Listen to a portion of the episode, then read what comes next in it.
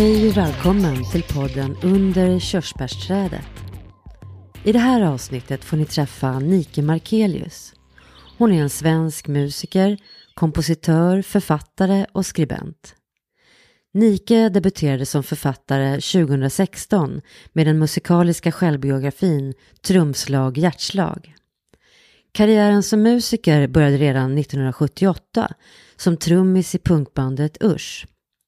I början av 80-talet spelade hon trummor i bandet Tantstrul. Därefter har hon spelat i flera olika band och konstellationer. Frippe träffade henne för att prata lite om livet.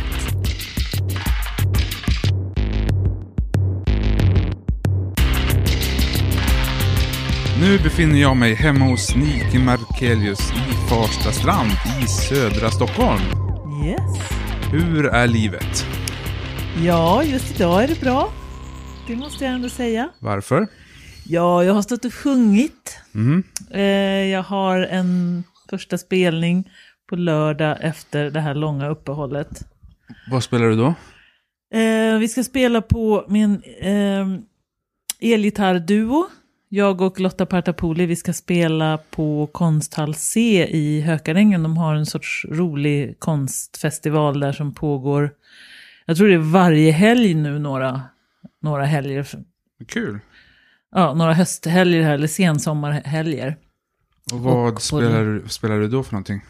Ja, då spelar jag...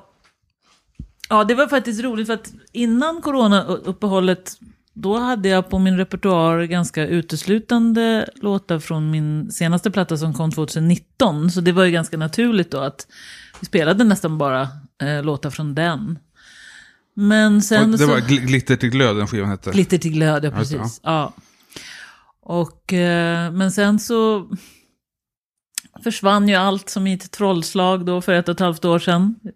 Vi blev av med alla våra uppdrag och det har varit en, en ganska, ganska knagglig tid eller vad man ska säga fram tills nu. Och nu då när eh, de hörde av sig och ville att vi skulle komma och spela och jag ska sätta ihop repertoar igen så så kändes det inte alls liksom självklart att det skulle vara bara från den. Så, det var, så då har jag liksom börjat lyssna igenom eh, massa gamla låtar. Jag gick in på min Spotify faktiskt som jag Lyssna på dig själv. aldrig gör. Liksom. Ja, precis. Och, och började gräva lite där bland mina eh, ja, men äldre låtar också. Och, Nike Röda Orkestern-låtar och sådär. Så att nu har jag gjort en reportage med en liten blandning faktiskt av eh, lite till glödlåtar och lite äldre grejer. Så jag har liksom gått på, jag har gått, jag har gått på texterna faktiskt. Okej. Eh, vad som känns eh, rätt Mm. för mig att sjunga just nu. Och det är svenska texter, eller blandat? Eh, alltså jag släppte ju en singel i juli. Mm. Nu i juli, alltså för en månad sedan drygt. Mm. Då jag sjunger på engelska. Så den är på engelska. Och det är nästan första engelska. Ja, i alla fall som soloartist. Mm. Jag har ju skrivit på engelska eh, med band som jag spelat i tidigare som har varit engelskspråkiga. Men det här är faktiskt, eh, ja, jag tror nog att det, om jag inte hel, jag tror nog att det är den första låten som jag släpper som soloartist på engelska. Och det är inte alls något uttänkt sådär, utan det, det bara blev. Den låtens tillblivelse är, är ganska, ganska rolig historia, jag kan berätta den om Ja, du vill. Ja. Eh, Det hänger också ihop med det här som vi just pratade om med, med corona och allting, eller det här uppehållet och så. För då, för ett och ett halvt år sedan när jag blev av med alla, alla mina uppdrag, Mm. det var inte bara mitt soloband, utan jag är ju också trummis med Kenny Håkanssons Power Trio. Och så hade jag några andra gig på gång med någon som ackompanjatör till någon kör och sådär. Men allting försvann. Och då så passade jag på att ta en utbildning på AP Academy i, ljud, i musikproduktion och ljuddesign. Mm. En avancerad utbildning. Ja. Då som, ja, men som höll på då under, under den våren, kan man säga, un, under den vårterminen där.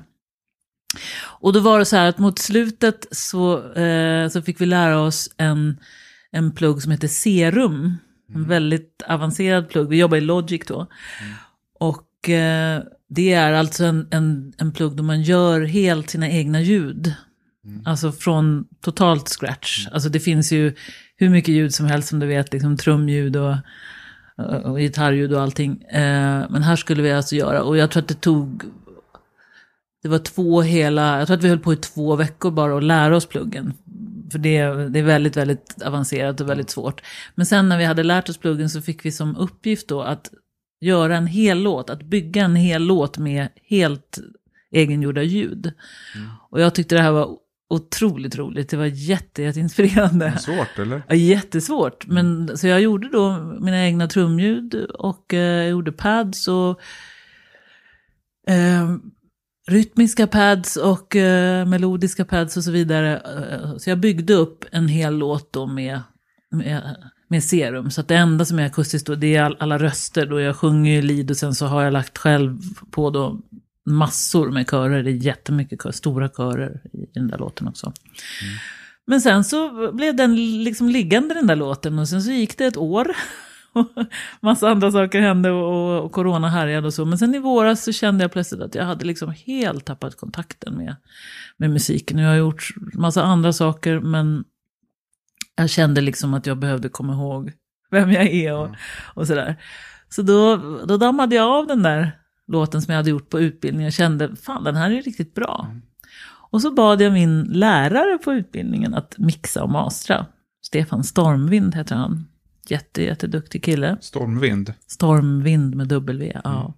Så han mixade och mastrade den och sen så gav vi ut den, The Wonder of Summer. Som, och den fick jättefint mottagande och det var, det var, det var väldigt roligt. Och det är, det är ju lite speciellt också det här, det är ju som alla gör nu för tiden, liksom att släppa låtar. Men jag kom ju från liksom 70 och 80-talets skivproduktion från början med och, och har liksom väldigt länge haft det här albumtänket, att, att jag liksom jobbar med album. Och ett tema på albumet, det ska passa ihop kanske? Eller? Ja, precis. Att man, har, man samlar ihop så man har en 10-15 låtar och sen släpper man.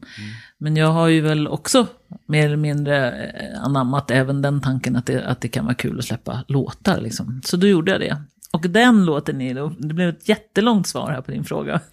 Men den låten är, är på engelska. Och skillnaden på att sjunga på engelska och svenska då, tycker du? För dig? Ah, Jag vet inte om det är så stor skillnad. Det är liksom... Det är ju, det är ju texten som är det viktiga och, och, och vad den innehåller. Sen i och för sig är jag ganska dålig på engelska. Eller jag är, jag är dålig på, alltså man, jag bryter. Alltså man hör, och det, det, jag vet att det finns de som retar sig på det, som tycker att man bara får sjunga på engelska om man, om man har en klockren engelska. Men jag är ju inte engelskspråkig, så jag tycker, för mig så gör det inte så mycket att jag bryter lite. Det blir personligt. Ja, alltså det är, väl en, det är väl en smaksak, men jag själv tycker inte att det gör någonting. Så jag tänker fortsätta sjunga på engelska när jag får lust. Men om vi backar långt tillbaka, när du var liten, var växte du upp någonstans? Oj! Danderyd, Danderyd? hos mormor och morfar. Inte mamma och pappa? Inte pappa, nej. Jag har ingen, jag har ingen pappa. Eh, jag har aldrig haft. Men en mamma som bodde hemma fortfarande hos mormor och morfar. För hon var så pass ung. Ja, Okej. Så att, Så, så du, aldrig, du vet inte vem som var din far eller? jo. Eller nej. Jo, jag vet väl. Nej, jag vet inte vem, vem han var. Han, han är död nu, men jag... Eh, Du har i alla fall ett namn. på honom? Ja, Ja, det har jag. Jag träffade honom två gånger, men första gången var jag över 20. oj. Och det blev inte så mycket mer med det sen. Hur, hur har det påverkat att liksom inte haft... Tror du? Det är svårt att veta om man inte hade... Jättemycket såklart. Mm. Det har trasslat till det en hel del. Det har det gjort. Att vara faderslös. Ja. Men, men din mamma, hon var väldigt ung också sa du? Mm. Så hon bodde fortfarande hemma. Så att det blev ju liksom som att min mormor var, jag hade som två mammor istället. Min mormor blev som en mamma också. Det är den här, eh, En fläkt som låter bakom. nej det är en eh, luftfuktare som är för gitarrerna och min stora monstera som du, som du sitter under. Okej. De behöver, luft- nu la den av. Okay. Då kan vi fortsätta. Mm. Okej, du bo, växte upp där med, hos din mormor och morfar sa du? Ja, mamma bodde hemma fortfarande. Och vad jobbar mamma med då? Inredningsarkitekt. Oj, och mormor och morfar? Morfar arkitekt och pappa arkitekt, allihopa arkitekter. Arkitekt, men du blev inte arkitekt? Nej, det är obviously not. Okej. Men musik och kultur... Ja, morfar sjöng opera. Oj, spännande. Ja. Så var det mycket musik hemma där då? Med morfar? Ja, alltså med morfar och mormor så var det mycket klassisk musik. Men sen när mamma och jag, alltså vi bodde ju inte där alltid. Utan sen så flyttade vi in till stan när jag kanske var några år. Tre, fyra år. Och ehm, min mamma var en stor music lover och hon spelade jättemycket bra musik. All, all den bästa liksom rock och pop och folkmusiken som kom under, under 70-talet. och sådär, Både från Amerika och England och Sverige. Och, jag har ett strålande soundtrack eh, från min barndom verkligen. Mm. Kul. Mm. Och så Kungsholmen flyttade du då, okej? Eller, Inte direkt, vi, flyttade för, vi bodde först i city ett tag faktiskt. Precis in i smeten. Och sen så flyttade vi till Kungsholmen när jag började skolan. men s- sen att lämna din mammas musiksamling till hitta din egen musikaliska ja, själ så att säga. Hur gick det till? Ja, eh, jag hamnade ju väl, som väldigt ung i gallerian. I I. Stockholm? Ja, Ja. ja. Galleria, okej. Gallerian i Stockholm där, eh, där punkarna hängde. Och det var precis där 77, 78, nej 70, vänta nu ska jag tänka efter, slutet på 78 var det. När precis punken kom till stan. Från eh, eh, USA och England där den ju hade liksom fötts lite tidigare. Men det var när precis punken började få liksom rota sig här i Sverige så, så hamnade jag i, i de där gängen. Och jag blev omedelbart punkare och, och tvingade mamma att klippa av mig allt hår. Och eh, bildade då mitt första band som hette Usch. Då var jag 16 år och hamnade bakom trummorna då. Usch, det var 1978 då så fall. Ja, i slutet på 78, precis. Usch bara. Usch hette vi, ja. Varför, hur kom du på det namnet? Ja, du, det kommer jag inte ihåg. Det var så länge sedan. Vi tyckte väl att det var coolt. Ja, det det, passade, coolt. det passade liksom in i, i, i, eh, i tiden och, och, och liksom hela...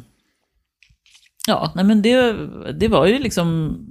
Det var ju protestsånger liksom. Och eh, punken gav mig, eftersom jag hade lite skakiga familjeförhållanden och sådär, så, så var ju liksom punken verkligen som att hitta hem för mig. Som att få en familj och ehm, gav mig liksom verkligen modet att vara mig själv och att välja min egen väg och att lita på det så att säga. Och jag upptäckte väldigt tidigt att det var musik jag ville hålla på med. Och du började spela trummor direkt då eller? Ja, jag hamnade faktiskt bakom trummorna direkt. Varför ja. hamnade du där? Ja, sökte jag säger hamna för att det var, ibland känns det som att det var de som valde mig. Jag kan inte säga att jag, jag kan inte minnas att jag tänkte innan att jag ska bli trummis. Utan det, alltså faktiskt, det bara, det bara blev så. Ibland, ibland så blir det bara, man bara känner att det är, att man har hamnat rätt. Liksom. Och det, det kände jag precis i allra, allra början, innan vi hade någon egen replokal, så fick ju vi låna eh, Grisen Skrikers replokal i Näckrosens tunnelbana. Grisen skriker, det var alltså ett annat punkband på den Ett tiden. annat punkband på den tiden, ja, som var våra kompisar. Och vi fick eh, låna deras grejer precis i allra, allra början. Och då eh, så fick jag spela på Mats trummor och sådär. Men Jag kommer ihåg att jag, jag övade liksom på kuddar hemma i mitt flickrum och så. Innan jag liksom hade mina egna grejer och sådär. Men det gick ju ganska fort faktiskt för Usch för att ehm, vi började liksom spela live egentligen långt innan vi behärskade våra, våra instrument till fullo. Därför att vi, vi var jävligt kaxiga liksom och, och vi gjorde egentligen succé ganska på en gång liksom. På vilket att- sätt var ni kaxiga liksom? Ja, som att vi, eh, vi gick till Högalids fritidsgård vid eh, Hornstull när Ebba Grön skulle spela där. Och det var innan de hade blivit så stora egentligen. Det hade väl liksom precis börjat sprida sig vilket bra liveband de var. Och sen så Irre och jag som spelar bas med Usch, vi gick bara in i logen till dem och sa hej, kan inte vi få vara ert förband? Vi är, vi är Usch liksom. Mm. De bara, jo för fan, haka på, vi har de här, de här spelningarna. Så att vi fick ju liksom en väldigt fin skjuts där från början. Så att vi, vi åkte ju med dem på... Med Ebba Grön alltså. Med Ebba Grön som förband till Ebba Grön på en liten turné ganska... Ja, det var inte länge efter att vi liksom hade börjat repa. Så vi, och då, och då togs vi jätteväl emot. Jag kommer ihåg att vi, att vi gjorde väldigt succé då. Att många inropningar och sådär, även fast publiken stod och väntade på att Ebba skulle komma. Ja, så det var... Men det är en bra, en bra startscen för Ja. Ebba Grön på turné. Ja, därför att vi fick ju liksom en sån stor publik med en gång. Så det var jätte... Det var jättebra. Men, och, och eh, jag tänker på den här i Rågsved som inte ligger så långt ifrån där vi är nu. eh, I, kulturföreningen Oasen. Mm. Spelar du där också? Ja, jag, var, jag jobbade med Oasen också. För någon som aldrig har varit på Oasen, som Mm. jag, jag har aldrig varit för jag bodde inte i Väster, jag bor uppvuxen i Västerås. Men Mm. eh, vad var Oasen? Det var en kulturförening i Rågsved som vi bildade för att eh, ge plats och scen åt lokal kultur så att säga. Att inte allting bara skulle hända in, in i stan. Att alla som bor i förorterna ska behöva åka in till stan för att gå på konsert eller, eller hänga med varandra eller, eller göra olika grejer. Så att vi, vi startade en, en, en plats helt enkelt för människor att vara. Och vi ordnade massor med konserter med massa små olika punkband som spelade, ofta två, tre stycken per kväll. Vi bredde mackor och blandade saft. Och på sommaren hade vi festival där i någon, i någon gräsbacke i Rågsved också. Och ehm, vi arrangerade konserter och vi spelade själva. Och det blev liksom också, om du var aktiv där, blev Mm. det som en liten familj också? Oasen-familjen.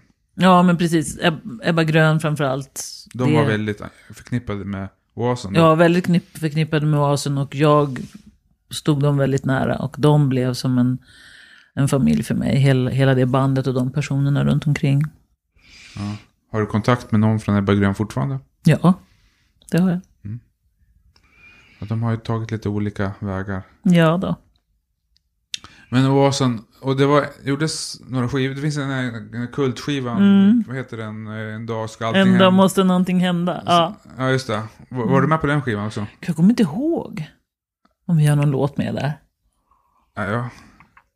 Jag vet faktiskt inte, det måste vi googla. vi får googla Det är sen. Usch i så fall. Usch, vi googlar upp det sen efteråt. Eh, men, eh, och, och, eh, skötte- och men, eh, spela in någon skiva med Usch. Ja, det var ju det, det gjorde vi också jätte... Alltså jag hade inte ens lärt mig att avsluta Phils, alltså rundpallar med ett symbolslag när vi åkte ner till Malmö. Och för att spela in en singel på det lilla skivbolaget Bellatrix. Och då gjorde vi en EP som var vår första och det var där den här äh, låten LTO var med. Som, som blev en, en liten hit då bland punkare. En minut och elva sekunder lång låt. som handlar om LTO då. Ja. Som var det som vi upplevde i gallerian. Som många av oss utsattes för, eller vad man ska säga. Ja. Drabbades av, eller... Så, och, och, så att vi gjorde, och sen gjorde vi två singlar till. Så vi gjorde tre singlar sammanlagt. Och så var vi med på en jättestor konsert som heter Concert of the Moment i, på Saltlagret i Köpenhamn. Kan det ha varit 79 eller 80? Eh, och där har vi med, tror jag, fem låtar som är inspelade live. Det är en dubbel-LP. Som... Så det var det vi gjorde på skiva. Tre singlar på tre olika skivbolag och sen den här danska. Massa, massa live-demos också kanske. Ja, säkert. Som ni inte vet om finns någonstans. Kanske, Ja, precis. I mörkret. Det var en annan tid man spelade in förstås. Ja, precis. Sen eh, bytte du till Tantstrul. Band. Ja, det- hur, hur gick det till? För du... Ja, det gick till så att eh, jag och Kajsa Grytt bodde tillsammans på Skånegatan, delade lägenhet där. Och eh, från början när vi flyttade ihop så spelade hon med Tant Strul och jag spelade med Usch. Det var ju, Tant Strul hade ju också ganska nyligen börjat. Och jag var med och arrangerade en av deras första spelningar på Asen, faktiskt, fast då var det Micke som spelade trummor. Men sen så var det så att eh, de skulle göra en Norge-turné och Micke hade precis hoppat av och bestämt sig för att han ville hålla på med film istället för musik. Så då frågade eh, Tant Strul om jag kunde tänka mig att vicka bara på trummor. Och först var jag så här väldigt bestämd, ja men det är absolut bara ett vikariat för att jag spelar ju med Usch liksom, och det är mitt band. Liksom. Men jag repade in i alla fall deras repertoar då på två veckor eller vad det var. Och sen åkte vi på den där Norge-turnén. Och då var jag ju fast, för det var ju helt, det var ju fantastiskt. Det var verkligen, också, det var verkligen som att komma hem också. Och det blev en, en, en utveckling för mig som instrumentalist. Jag, jag kunde liksom, jag kunde växa och um,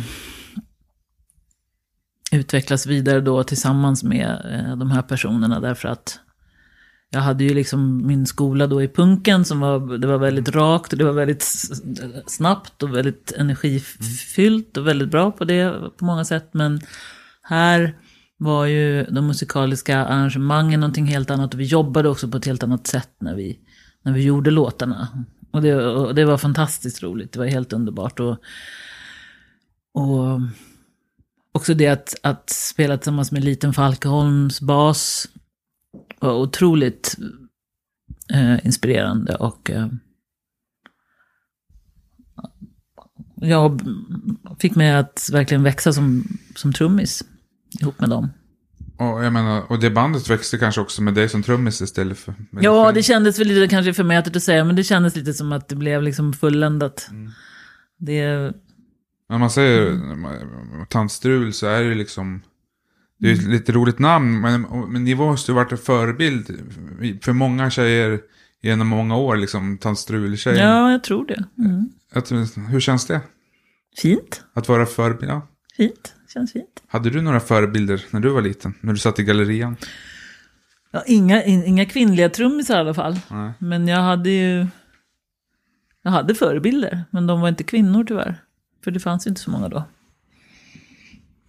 Men du spelade, sjöng du också i Tandstrul? Ja, det gjorde jag ju. Jag hade väl i alla fall... Jag hade ju börjat skriva låtar då också, men... Jag hade ju eh, i alla fall en låt per LP som jag sjöng lead. Mm. Och, men du skrev låtar också sa du? Mm. Jag började skriva låtar mer och mer. Liksom. Mm. Uh, en tidigare gäst i podden, en annan podden, Kajsa Grytt då. Mm. Uh, hon var ju också, har ni fortfarande kontakt? Ja då. Hon var ju, 2014 så var ju Kajsa med i stor produktion på tv, Så mycket bättre. Mm. Såg du det programmet? Ja, inte alla kanske. Hur men... var det att se Kajsa i, ja. i, det, i det formatet? Oh, vad ska jag säga? Det, det var väl kul. Lite konstigt kanske också, eller? Jag vet inte. Nej, jag tyckte det var kul. Mm. Det var kul att se. Mm. Hon var ju väldigt duktig också. Ja. Jag blev väldigt rörd av att se hennes, mm. hennes tolkningar. Och även andras tolkningar av hennes låtar. Ja. Mm. Ja, bra år. Mm. Men om vi backar till mitten av 80-talet då. Tant Strul, ni splittrades mitten på 80-talet. 85. Varför splittrades ni? Ja, det var väl lite olika. Det var väl några av oss som kände för att gå vidare och, och göra andra saker. Att det liksom hade nått någon sorts men där var vi nog väldigt oeniga. Det var liksom några av oss som ville sluta och några som inte ville. Och det liksom, men då blir det ju så att man slutar. Mm. Liksom. Så det var, väl, det var väl inte liksom en självklar grej som alla kände att nu är det så här. Och, och det, vem vet vad som, hade, vad som hade kommit för musik om vi hade fortsatt. Men i och med att det fanns eh, då personer som inte ville det så, så, så var det så det fick bli helt enkelt. Och det var väl säkert bra på vissa sätt, det var nog meningen. Men det var väldigt kul när vi återförenades 2012. Mm. Det gjorde vi mm. Och... Uh, Hur, på vilket sätt var det kul? Nej men det var så kul därför att det hade gått så många år och uh, vi hade väldigt bra spelningar de flesta. Det var liksom stora festivaler och sådär. Men framförallt så var det det, att, det roliga tycker jag, att vi bestämde oss för att bara köra eh, originallåtar i originalarrangemang. Mm. Så att, eh, Inte arrangerat, arrangerat sönder dem liksom. inget nytt och inga nya arr, därför att alla vi har ju fortsatt att spela. Så att alla vi hade ju blivit så egentligen otroligt mycket bättre liksom på eh, våra instrument och mycket säkrare och, och, och sådär. Och vi kändes också nästan liksom ännu tajtare fast vi inte... Ja, det blev väldigt bra tycker jag. Och sen så, så dels var det det som var väldigt kul att, att liksom spela sina gamla originalarrangemang. Så att vi, vi plankade liksom oss själva då och lyssnade in oss på, på de gamla skivorna och spelade precis så som vi gjorde. Liksom. Så det var väldigt kul. Men sen var det också väldigt roligt att se att det var så pass många unga människor som stod i publiken längst fram och sjöng med i texterna. Som helt uppenbart då måste ha eh, lyssnat mycket på oss, ja men på Spotify eller liksom på skivor och så. En, en, en ny ung generation som ju knappt var födda liksom när vi... Ja, men 2012 då... Det är ju... Ja, ja precis. Och lite längre bak i publikhavet Ja. kanske stod lite, de som var lite äldre och sjöng med också. Ja men precis, nej, men då, ja, ja absolut, nej, men nej, de, de kunde nog så långt fram de med. Men det var den blandningen jag menar, dels de då i våran ålder som var liksom med och som kanske såg oss live då på 80-talet. De var ju många där, men sen så även de här andra unga då som var jätteglada att de fick uppleva och se oss live fast vi egentligen hade slutat. Och vi var ju väldigt bestämda då att det är bara 2012 som vi finns igen. Så att från och med liksom nyårsafton där så, så fanns vi inte Och längre. nu kommer igen. inte väckas igen. Det vet man aldrig. Det har inte sagts vare sig hit eller dit Nej. om det. Får vi se. Kanske får hålla tummarna då. Men kanske när vi är sådär i 75-80 års åldern att vi, att vi skakar loss. Vem vet? Gagge Grytt kanske. Nej, Ja. Gagge... Gagge det? Hon kommer aldrig bli gaggig. Nej, jag, jag jag skulle säga tantstrul. Ja. Gaggig strul skulle Ja, jag säga. ja, Förlåt, men- förlåt ja. guys, var inte så jag sa fel. Ja. Gaggig strul skulle jag säga. Så sa det Ja, är så korta namnen. Jag tror inte vi kommer bli så gaggiga. Nej. Jag tror inte det. Men så här, 85 sa du att ni slutade med tantstrul första Och då gången. gjorde vi den sista spelningen Roskilde. Mm. Festivalen för 25 000 personer. Bra slut. Bra avslut ja.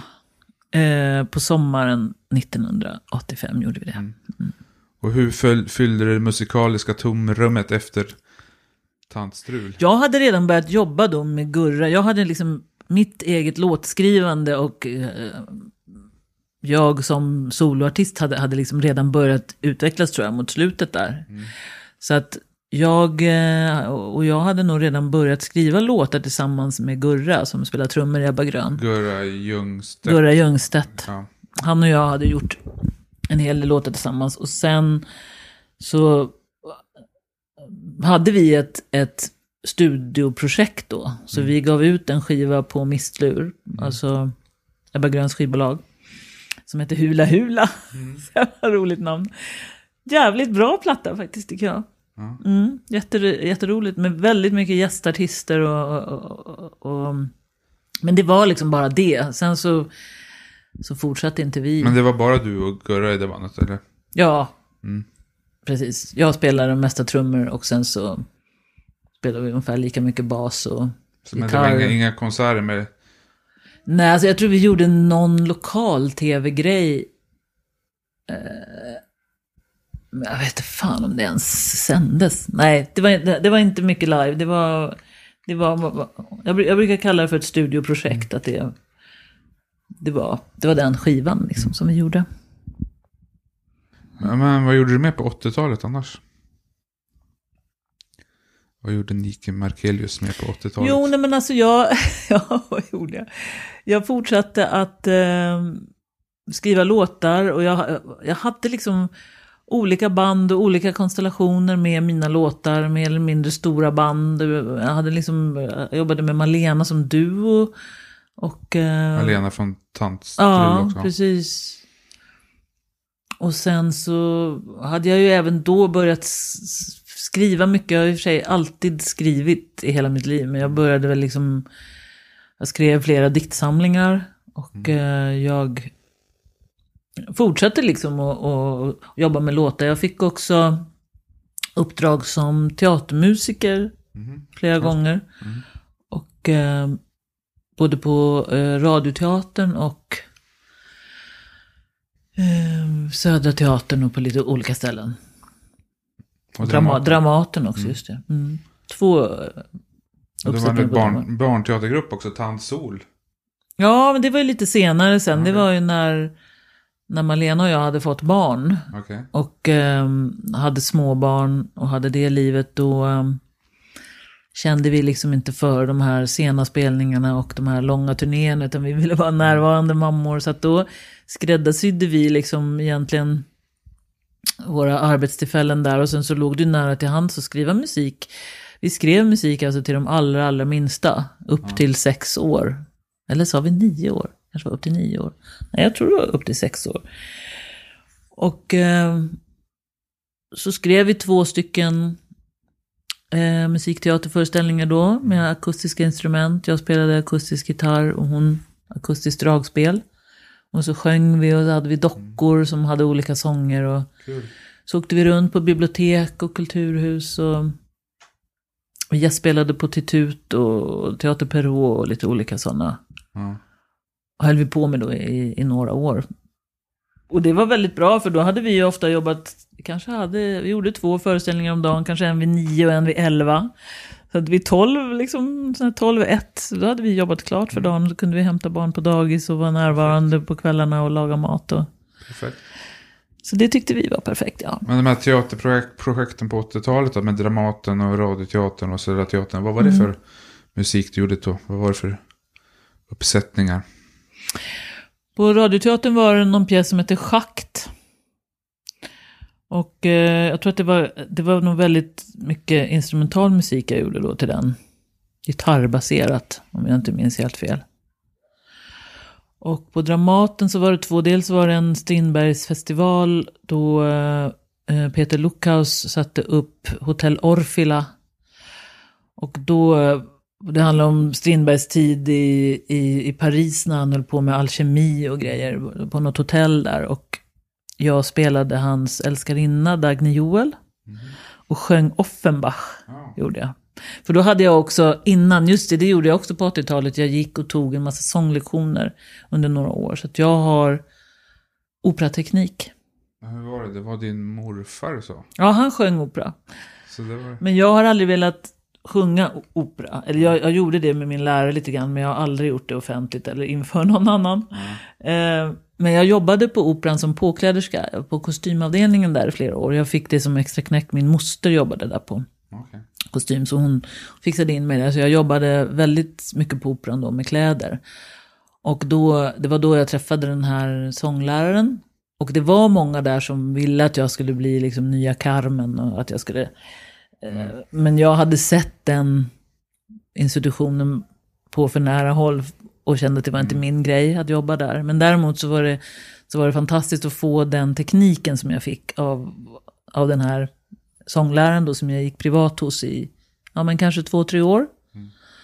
Även om jag sjunger rock och pop och annat. Ja, Även när jag sjunger visor också för den delen så är det, är det väldigt skönt att ha den liksom powern, ha den liksom kraftkällan i, i, hör precis. i min kropp att jag liksom behärskar instrumentet på det sättet. Så det gjorde jag också på, på 80-talet. Och det hade jag ju då användning av såklart när jag var eh, teatermusiker och då, speciellt i den uppsättningen då när jag sjöng Offenbach.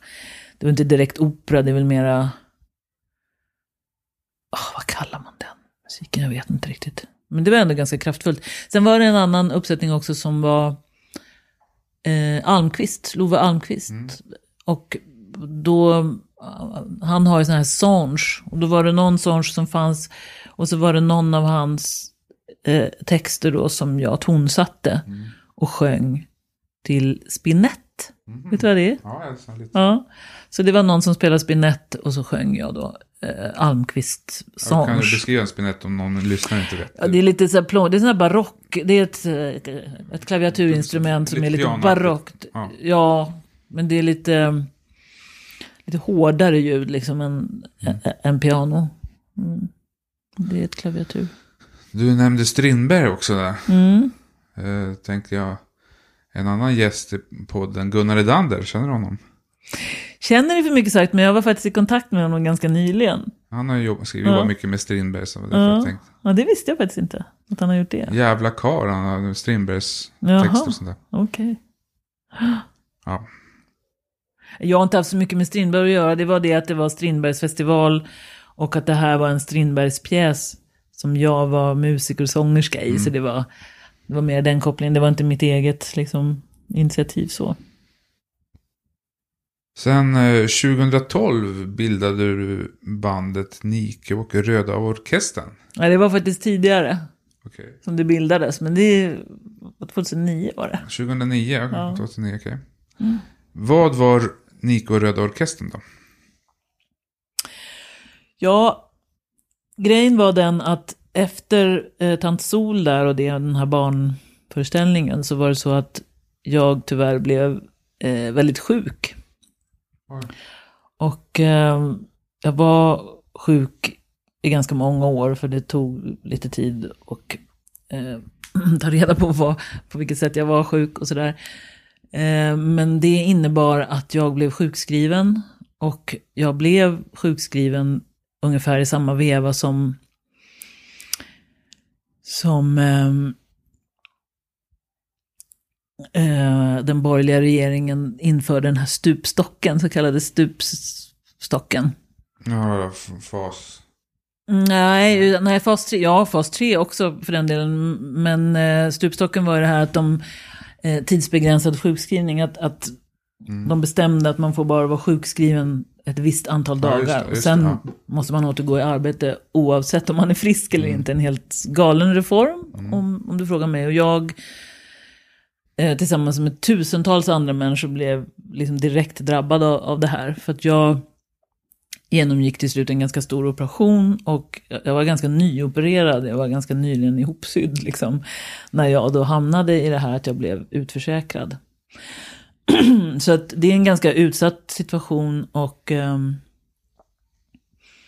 jag har ju liksom alltid, även när jag har varit sjuk och vad ska jag säga, försvagad i livet av, av, olika sätt så har jag ändå alltid haft ett väldigt starkt driv att, att hela tiden skapa, att hela tiden skriva, ja. göra musik, liksom, göra min röst hörd och liksom så att så var det även, även i den här situationen och jag, fast jag var väldigt sjuk så bestämde jag mig för att jag måste, eh, måste göra någonting. Liksom, I alla fall försöka vara med på något sätt och protestera mot det här sättet som, som eh, makthavarna behandlar de svagaste så att säga. Så att jag låg egentligen i, i min sjuksäng och började liksom mejla till olika människor. Jag bestämde mig för att, att, att starta ett band, men att, ett nytt band då, mm. som, som uteslutande skulle sjunga politiska texter. Mm. Men jag kände också att jag vill inte bara skriva text och musik, allting utifrån bara mig, utan jag var nyfiken på hur, hur många andra människor också såg på våran samtid ur, ur ett mm. politiskt och existentiellt perspektiv. Mm. Så att medan jag fortfarande var sjuk så började jag då att kontakta olika människor. Textförfattare, skrivande människor, men inte folk som normalt skriver sångtexter. Mm. Men skrivande personer. Och så bad jag dem att skriva sångtexter till det här projektet då som jag sen skulle tonsätta. Vilka, ja, vilka kontaktade du? Ja men alltså första skivan så, så var det ju um, Inger Edelfelt och, och Karsten Palmer. Ja, det var, det var, alltså det var, det var, det var ganska många. Och andra skivan sen var också Susanna Alakoski, det var Bruno K. Öijer, Göran Greider, Eva Fuchs. Vi kan eh, du kan klippa i det här sen också, eller hur? Ja, eventuellt. Okej. Okay. Jo, ja, det brukar vi göra. Tid.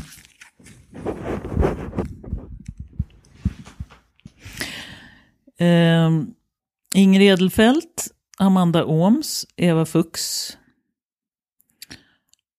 Karsten Palmer, Katarina Massetti, Mian Lodalen och Mimmi Malmer. Och sen så skrev jag några själv också. Det här var första skivan. Mm. Och andra skivan, eh, Bruno K. Öijer, Göran Greider, Eva Fuchs igen, Susanna Alakoski. Göran Greider har två texter med på den här och även Ingrid Edelfelt. Mm. Och eh, Jenny Wrangborg. och Ingrid Elfelt igen. Mm. Så att de här personerna då, sen så var det en del personer också som jag kontaktade som, som sa nej och det var vissa också som försökte men som inte tyckte att det gick något bra. Så här. Men det här var de som det i alla fall blev till slut, att jag samarbetade och de skickade sina texter till mig och jag tonsatte dem och så eh, fick vi den stora glädjen att spela in de här två skivorna då hos, hos Benny Andersson ja. i hans eh, studio RMV då på mm. Skeppsholmen. Så det blev väldigt, väldigt fina produktioner. Och du sjöng då, eller?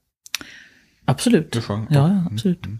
Mm. Spelade elgitarr och, och sjöng. Så det var, då, ja, det var då eh, någonstans i den vevan faktiskt som jag, som jag köpte min första elgitarr och började spela elgitarr på allvar. Jag har spelat akustisk gitarr hela mitt liv egentligen och skrivit men jag ville att det skulle låta lite mer och vara lite mer fett liksom. Och nu när jag skulle fronta då, mm. Nico Röda Orkestern så, så blev det elgitarr. Mm. Mm. Hur var det att tonsätta och sjunga deras texter? Men det var ju väldigt, väldigt spännande. Det var ett jätte, jätteroligt sätt att, att jobba på. Jag tycker mm. att vi fick ihop ett unikt, eh, fantastiskt material som också framförallt då speglar Alltså den, den tiden som den var då eh, politiskt i Sverige. Alltså när alliansen bildades 2000, till valet 2006 där och, och, och, allt, allt vad de stod för och allt vad de, alla, alla de förändringar, försämringar skulle jag vilja säga. Och de här kom ju då 2012 kom den första och 2014 kom den andra. Var, och därefter skrev en uppmärksammad artikel, debattartikel i Dagens Nyheter också. Ja, det var 2013, det var mitt emellan där, just det. Mm. Och vad handlade den om då? Den handlade ju om eh, vägen mot fas 3. Mm. Jag blev ju då utförsäkrad och eh, tvångsinskriven på Arbetsförmedlingen fast mm. jag inte var arbetsför överhuvudtaget. Mm. Och på Arbetsförmedlingen så satt de stackars arbetsförmedlarna och slet sitt hår. Jag tror att vi var 40 000 personer som kom dit som inte var arbetsföra som de plötsligt skulle liksom hitta jobb åt. Mm. Så det var en ganska, ja det var en ganska tillspetsad situation mm. kan man säga. Och um, då var det också att i den här tiden så hade de också hittat på det här med um, kompletterande aktörer, hette det. Det var alltså privata företag som Arbetsförmedlingen tog in för att sätta blåslampa i röven på alla de här människorna som de kallade då för eh, lata och mm. parasiter och, och, sånt. Fast det i själva verket handlade om sjuka människor mm. som skulle behövt sjukskrivning och rehabilitering mm. och återhämtning för att överhuvudtaget liksom komma tillbaka. Mm. Utmattade människor. Så att eh, jag hamnade hos en sån här kompletterande aktör då. Och det var ju liksom helt för att få då sin motsvarande a-kassa eller aktivitetsstöd eller vad det heter för att kunna betala hyran så var man ju tvungen att gå dit liksom. Mm. Och jag kände ju redan första dagen jag kom dit att, att det var rena helvetet på jorden liksom. Mm. Så att jag bestämde mig ganska på en gång för att det här måste jag dokumentera på något sätt. Ja. Måste wallraffa. Mm. Så att jag gick dit, precis som jag skulle. Jag satte mig längst bak i rummet med mitt anteckningsblock och min penna. Och jag skrev ner precis allt som hände och sades i rummet. Och visste väl inte exakt vad jag skulle göra med det sen. Men efter ett antal månader så hade jag ett ganska digert material som jag då bestämde mig för att skriva ihop. Det blev en väldigt lång text. Och sen så skickade jag den till Björn Wiman på DN. Och han svarade mig nästan vändande post liksom att det här vill vi publicera. Mm. För det blev ett, ett vittnesmål som så långt in hade ingen journalist kunnat gå, liksom, mm. kunnat komma. Så att jag gjorde det för att jag kände att jag kan ge röst åt alla de här människorna som inte själva mm. har den liksom ja men dels så kan jag skriva och, och sen så, ja, så har jag väl någon sorts in, ingång, liksom kanske lättare ingång än många andra att, att också få det jag skriver publicerat. Och det där var ju, det blev ju en jättegrej, det hade jag ju aldrig kunnat föreställa mig att det skulle bli så stort som det blev liksom. Mm. Det blev ju... Hur mådde du av uppmärksamheten? Ja, men jag tror ändå att jag tog det ganska bra, därför att dels var det så att jag insåg ju ganska tidigt att säga nej till alla de här som hörde av sig, alla de här eh, debattprogrammen och så, Studio 1 och, och de ville sätta mig ihop med arbetsmarknadsministern i olika debatter och diskussioner. Jag bestämde mig ganska tidigt för att inte ställa upp på något sånt, för jag hade gjort mitt vittnesmål och jag kände att om media hade varit upplagt på ett annat sätt, att folk fick prata till punkt och det verkligen kunde bli djupa, vettiga diskussioner, då hade det varit en annan sak. Men i och med att alla de här debattprogrammen, både på tv och radio och sådär, är uppbyggda att det ska vara dramatik och de ska skapa motsättningar mellan folk och det ska helst bli något bråk och sådär, så kände jag bara att jag, där, jag är inte med där. Så det bestämde jag mig ganska tidigt. Mm. Så det var skönt. Och sen så var det ju så att jag fick ju tusen, tusen, tusen, tusentals reaktioner och brev men ingenting var hat eller hot eller någonting sånt. Vad härligt. Utan det var bara liksom, det var så mycket kärlek och det var, det var så mycket människor som var så tacksamma att jag hade att jag hade fört deras talan. Och jag, hur många historier som helst, folk som öppnade sina hjärtan och berättade sina historier. Och det tog ju många, många månader för mig att ens läsa all, alla, alla brev jag fick. Liksom, och all, alla meddelanden. Det låter väl helt fantastiskt. Ja, det var helt, helt fantastiskt. Jag fick ju till och med något, något pris där från Socialpolitisk förenings hederspris det året och så för att jag hade gjort den där. Ett hederspris från? Ja, det är det där, alltså, de heter... Eh, där sladden, sladden. Ja. ja. Svensk Socialpolitisk Förenings hederspris 2013 fick jag. Cool. På grund av det där. Hur känns det då? Och sen så var det ju liksom jag vet inte, liksom, jag tror att den delades liksom, det var så här 40 000 gånger på sociala medier och jag vet att i Björn Wimans årskrönika som han skrev på slutet av 2013 så skrev han att det var på hela året så var det den, jag tror att det var den sjätte mest lästa eh, artikeln. Mm. I hel, hela DN på hela det året. Så det fick ju en enorm eh, spridning. Helt enkelt. Stolt över det? Ja, det är jag stolt över. Det. Absolut. Mm. Uh, sen du som sa, du har sagt att du har skrivit en hel del hela livet, men du skrev också en, en uh, självbiografi. Jo, Trumslag, hjärtslag. Ja. En väldigt tjock bok. Ja, precis. Ändå var det bara mina första 50 år. Ja, hur var det att skriva en bok om ditt liv? Det var jätteroligt. Och det var så kul för att jag skrev den ju på uppdrag. Mm. Och det var faktiskt efter den här artikeln. Eh, för det var så att den här artikeln blev ju också väldigt förlösande för mig. Också som skribent och författare. För att efter det så har jag fått ganska mycket skrivuppdrag. Mm. Det var också en, en, konsekvens som jag inte hade någon aning om innan att, att det skulle bli så. Men då var det också eh, bokförlaget Modernista som hörde av sig och frågade mig helt enkelt om, om jag ville skriva min självbiografi. Mm. Så det var väldigt roligt, ett väldigt roligt arbete eftersom jag satt och skrev och visste hela tiden att det skulle bli utgivet fast det var min debutbok. Mm. Ljög du någonting i boken? Nej. Nej.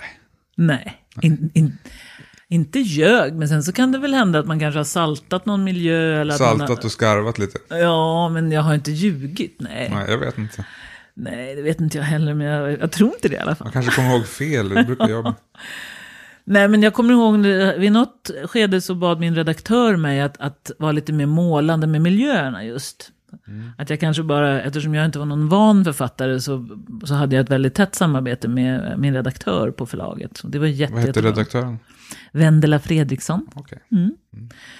Eh, hon, hon sa det vid något tillfälle ganska tidigt tror jag i, i, i, processen. Jag höll på i tre år med den där boken. Alltså inte heltid. Nej. Nej, men jag höll på med den i tre år.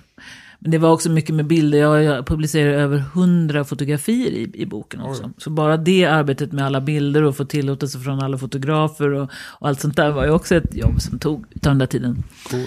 Men i alla fall med det där med, med miljöer, så att då, då har jag ju liksom gått in och eh, målat upp miljöer lite mer än vad jag hade gjort från början då på hennes, mm. på hennes inrådan. Sen har du även jobbat på syre. Just det. Gör du fortfarande kanske? Nej, alltså det försvann också samtidigt som, som corona. Jag hade en, jag hade en eh, egen kultursida på Syre Där jag skrev om all sorts konst och kultur i fyra år. Så är alltså det fast- samhällsmagasinet, så det Mm. mycket, mycket miljö också. Ja, så att där, ja, i nästan fyra år skrev jag ungefär på halvtid för dem. Jag skrev krönikor också. Det var också ett sånt uppdrag som jag faktiskt fick i kölvattnet av den här stora artikeln. Som, eh, Och sen försvann det med corona också. ja, jag vet inte om det berodde så mycket på corona. Jag tror att det var mer en olycklig ett, eh, samman... Att det sammanföll olyckligt i tiden. Men de var tvungna att skära ner. Och vad är det som ryker först? Då är det kulturen. Ja, ja. Känner vi igen det eller? Jag tror det. Ja. Och, men eh, vilken kultur ville du lyfta på din kultursida i, när du hade tidningen Sivre? Alltså jag, jag lyfte väldigt mycket ung och kvinnlig konst. Mm. Jag tyckte att eh, jag ville ge eh, kvinnor och transpersoner och icke-binära en liten gräddfil. Så jag var ganska fokuserad på dem och deras konst. Och också smala grejer, sånt som inte de brukar skriva om på de stora kultursidorna lika mycket. Så jag skrev om väldigt mycket ung, unga eh, upphovspersoner och, och kulturskapare. Men det är, det är väldigt, väldigt många kultursidor så det är svårt att, att liksom generalisera. Så här. Så det, men det finns, allting ligger kvar på Syres hemsida. Så det är bara att söka på mitt namn så ligger det. Det finns kvar. där. Ja, det är, det är massor. Alltså det är under, under fyra år som jag... Jobbar helt, typ heltid, halvtid. Ja. Så det, det är väldigt, jag har skrivit väldigt många artiklar där. Cool. Och 2019 så släppte du skivan då, som vi pratade om förut, Glitter och glöd. Glitter till glöd. Glitter ja. till glöd, förlåt. Eh, Och den ska ut på Erik Axel Mm. Sund Records. Mm. Med hur, hur gick den skivan? Har det gått bra? Ja, du, sådär skulle jag nog säga. Det... Eh, ja, det, jag är, jag är jätte, jättenöjd med den. Jag tycker, att den. jag tycker att den blev väldigt bra. Den blev precis som jag ville. Det, men det var svårt att få spelningar efteråt faktiskt. Och jag tycker att den recenserades inte så mycket som jag hade önskat. Jag tyckte nog att den föll lite oförtjänt i, i, i glömska. Ärligt talat, den, den fick inte alls det genomslag som jag hade hoppats. Vad kommer härnäst då? Fler böcker, fler skivor eller? Ja, alltså nu håller jag på, det är därför jag har byggt det här båset här. Ett ljudisolerat bås. För att jag blev nämligen kontaktad nu för några månader sedan bara och de har bett mig att läsa in trumslag, hjärtslag som ljudbok. Kul. Så det ska jag sätta igång med. I båset. Ja, jag har, jag har, jag har byggt ett litet ljudisolerat bås där. Du kan, du kan Jag trodde det var in. så indiskt med, med, meditationsrum där bakom. Jaså, ja, det kan, det kan det ju vara också i och för sig. Det är väldigt glittrigt. Ja, det var glittrigt. Och och det är rödglittrigt med massa röda ljusslingor. Jag har gjort en väldigt mysig liten hörna där. Och jag, jag tänker också att jag vill ha ganska mycket musik i min ljudbok. Det var därför jag pratade med Gunnar Edander nämligen. Därför att det första kapitlet som handlar om min barndom, då hade jag velat ha med ganska mycket av det här soundtracket som jag pratade om precis i början av ditt och mitt samtal. Ja, innan berättade jag- samtalet. Nej, utan i början på Ja. samtalet så berättade jag för dig att min mamma Ja. spelade så mycket bra musik när jag Ja. var barn. Och då hade jag, då har jag som önskan att spela några sekunder av en mängd olika låtar i, i, i jag kommer att ha mest min egen musik Mm. såklart, som ska liksom il- illustrera min berättelse. Men jag tycker att det, att det kan vara roligt. Jag har själv inte lyssnat så jättemycket på ljudböcker, men jag tänker mig att om, om man gör det, om man lyssnar på min bok, så kan jag tänka mig att just när det handlar om en, när det handlar om en musiker, när det handlar om en musikers liv, att det kan vara att det kan vara fint att spränga in musik. Och det var därför jag pratade med Gunnar Edander för att få rättigheterna till att spela några sekunder av två stycken låtar från Sånger om kvinnor. Vilka då? Eh, vi är många Mm. och den heter inte Åh och tjejer, men den som den heter, jag hade uppskrivet någonstans. Ja, vi får googla. Ja, vi får googla precis. De två i alla fall. Mm. Och sen så massa andra låtar. För det, han var ju gäst också i podden här och vi pratade Ja, mycket vet, om de där, det. Ja. om de där äh, ja, fantastiska kvinnotexterna där som han Mm, fick jag vet. tonsätta på Stadsteatern, genom Stadsteatern tror jag. Ja. Jo, nej, men så det, han, han sa ja i alla fall. Så, att, Så, det, ja. så då kom han in i din, din, din eh, ja, och de andra, sen är det tre kvinnor då som är textförfattare, så jag har fått fråga alla fyra upphovspersonerna. Mm. Och det är ju lite olika då med... Men det är ett litet detektivarbete ska jag tala om, och vissa låtar, speciellt då kanske utländska artister, som till exempel så vill jag ha en låt med Cat Stevens. Ja, de skulle ha 5000 spänn för 15 sekunder. Okej. Så tyvärr, Morning Has Broken, den var viktig för mig i min barndom, men den, jag kanske kan nynna den istället. Ja, ja. Jag kanske kan sjunga lite, några sekunder själv istället. Men just den kommer det inte bli, för de ville ha så mycket, mycket pengar för det. Det är så många låtar också, så om vi ska betala 5000 för varje 10-15 sekunder, då blir en väldigt stor... Exklusiv, dyr, dyr produktion. Musikbudgeten blir väldigt... Men så här, man har ju pratat mycket här om ditt liv på olika sätt. Det har varit mycket musik och kultur och, och så. Om du inte hade börjat lyssna på punk där och hängt i gallerian då, var hade du, vad hade du tagit vägen då tror du? Då hade jag hittat musiken på något annat sätt. Tror jag. Man söker sig alltid fram till målet. Eller? Ja, kanske. Det är ju så svårt att veta liksom vad, vad, som, är, vad som är förutbestämt och vad som är Mm. ens öde. Och det är ju så, genom livet tycker jag nu när jag har levt så här länge så är det ju klart att många beslut som jag har tagit, både, både privat och eh, yrkesmässigt, har ju förändrat så att säga min historia. Och hade jag tagit ett annat beslut i ett speciellt ögonblick så kanske livet hade tagit en annan vändning. Så är det ju naturligtvis. Och det, är ju, Det är livet. det handlar ju om allt ifrån liksom möten till...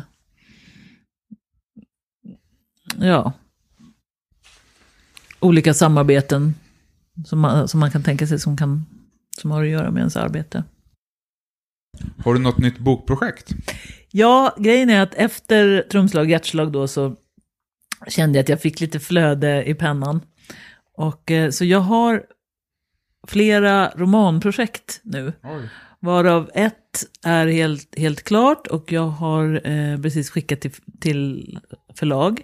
Och sen så har jag ett, ett bokmanus nu som jag, som jag håller på med just nu och som jag har hållit på med ganska mycket nu i sommar. Som är kanske skrivet nu två tredjedelar och sånt där. Det är jätte, jättespännande. Och ehm, Kul. får se vad det kommer att bli av det. Men jag tror att det kommer att, att bli några romaner i alla fall framöver. Spännande. Mm. Då får man hålla ögonen öppna även där. Men tack så mycket för att jag fick komma hem till dig. Ja, tack för att Jag du ville hoppas komma. att du får en fin höst. Ja, tack detsamma. Och fortsätt, fortsättning, bra fortsättning på livet. Ja, tack så mycket.